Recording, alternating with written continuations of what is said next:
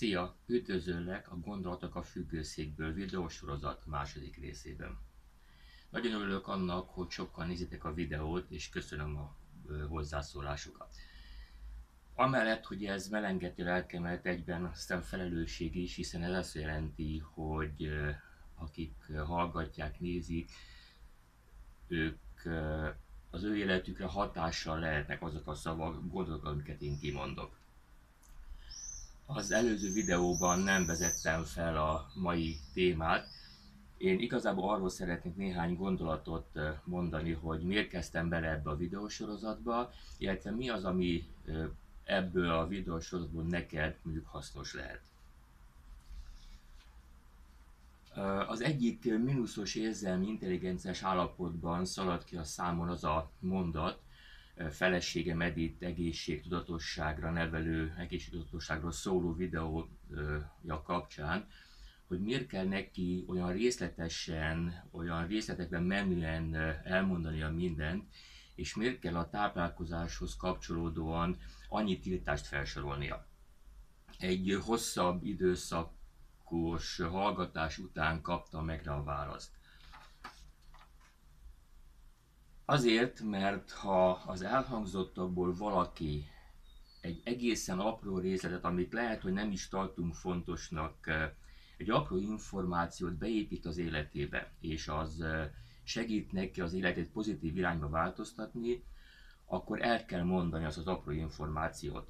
És nem tudhatjuk, hogy melyik információ, melyik apró információ lesz az, ami neki fontos.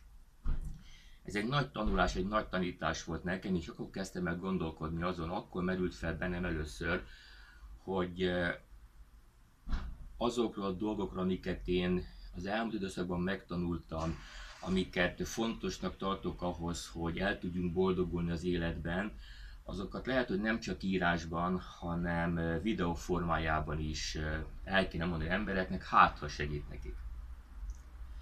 És pont az előző történethez kapcsolódik az a tulajdonság, amiről ma szeretnék beszélni. Ez pedig az, hogy meg kellene tanulnunk a helyzeteinket valamilyen módon kívülről, egy nagyobb távlatból nézni. És mind gondolom érzed, nekem sem mindig sikerül, hiszen a videó okaként elmondott történet sem azt mutatja, hogy nekem ez akkor pont úgy működött, ahogyan működnie kellene amikor benne vagyunk egy helyzetben, benne vagyunk egy szituációban, akkor az esetek 99%-ában, az emberek 99%-kal nem tud a helyzetre objektíven egy nagyobb távlatból, magasabbról tekinteni, és ennek az egyik oka az, hogy érzelmileg el vagyunk kötelező az adott helyzettel kapcsolatban. Mondhatnám talán úgy is, hogy érzelmi szemüvegen keresztül nézzük ezt a helyzetet. Ha viszont képesek lennénk arra, hogy egy kicsit hátrébb lépjünk. Ugye gondolom neked is ismerős, és ismered azt a magyar közmondást, hogy nem látja a fától az erdőt. Ez pont arra vonatkozik, én úgy gondolom, hogy ha, ha benne vagyunk egy helyzetben, akkor arra koncentrálunk, azt tölti ki abban a pillanatban a, az életünket, és nem tudunk kitekinteni, hogy megnézzük annak a helyzetnek a, a, a dolgai távolabbról. Ha viszont hátrább tudnánk lépni, egy kicsit másik nézőpontból tudnánk megnézni a helyzetet, akkor meglátnánk az erdőt. És hogyha meglátjuk az erdőt, akkor sokkal-sokkal jobb döntéseket tudnánk hozni az adott helyzet, az adott szituációval kapcsolatban.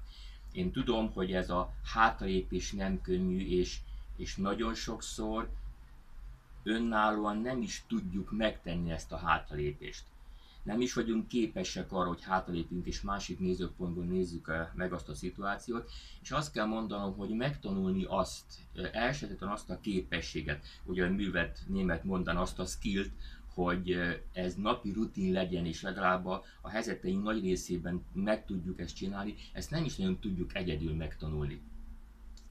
És ugye, ahogy említettem neked múltkor az előző videóban, hogy én javaslom azt, hogy keres egy olyan mentort, keres egy olyan közösséget, ahol például ezt is meg tudod tanulni, ahol ezt is meg tudod tanulni olyan emberektől, akik már mondjuk ezt valamilyen módon profiban űzik, mint éppen ahogy te.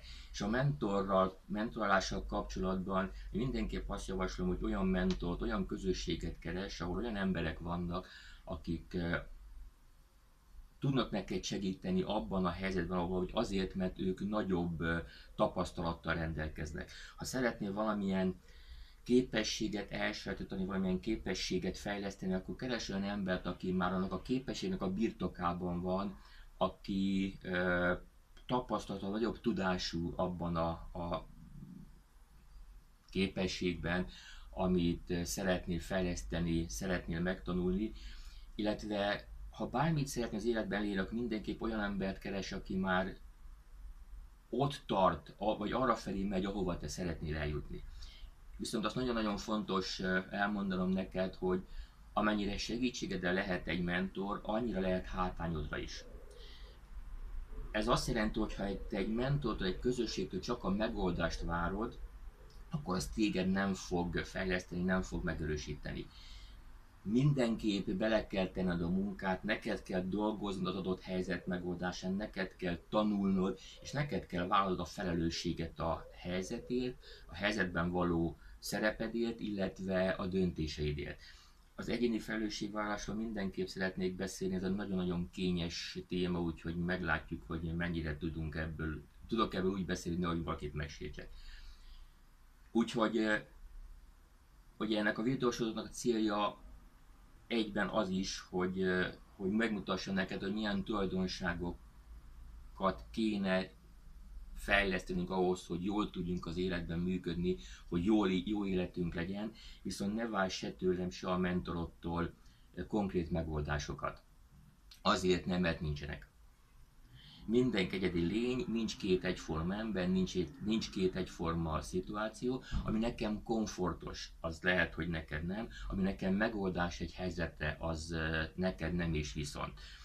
Amit ben tudunk segíteni neked, amiben tudok segíteni neked, az az, hogy például ugye abban a helyzetben, amiben benne vagy, tudok abban segíteni, hogy tudok mutatni egy másik nézőpontot, el tudok vinni egy olyan pontig, ahonnan másképp fogod látni a szituációt, viszont a megoldást neked kell megtalálni, neked kell megtenni a szükséges lépéseket, és neked kell felelősséggel tenni az adott helyzetért.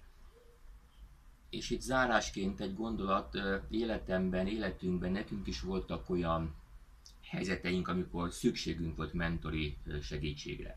Örök hála Darabos Istvánnak és Icának, hogy azokban a helyzetekben is mellettünk álltak és segítettek jó megoldást találni.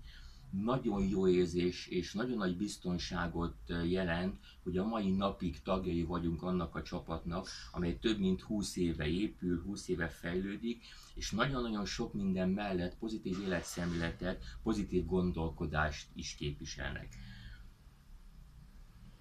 Ezzel a videósorozattal nekem csak egyetlen egy célom lehet, mégpedig az, hogy az elmúlt időszakban megszerzett tudást és tapasztalatokat át tudom adni azoknak, akik ezeket a videókat megnézik, meghallgatják, és ha egyetlen szó, egyetlen gondolat segít abban, hogy valakinek az élete jobbra forduljon, úgy gondolom, hogy már megérte. Köszönöm, hogy meghallgattál.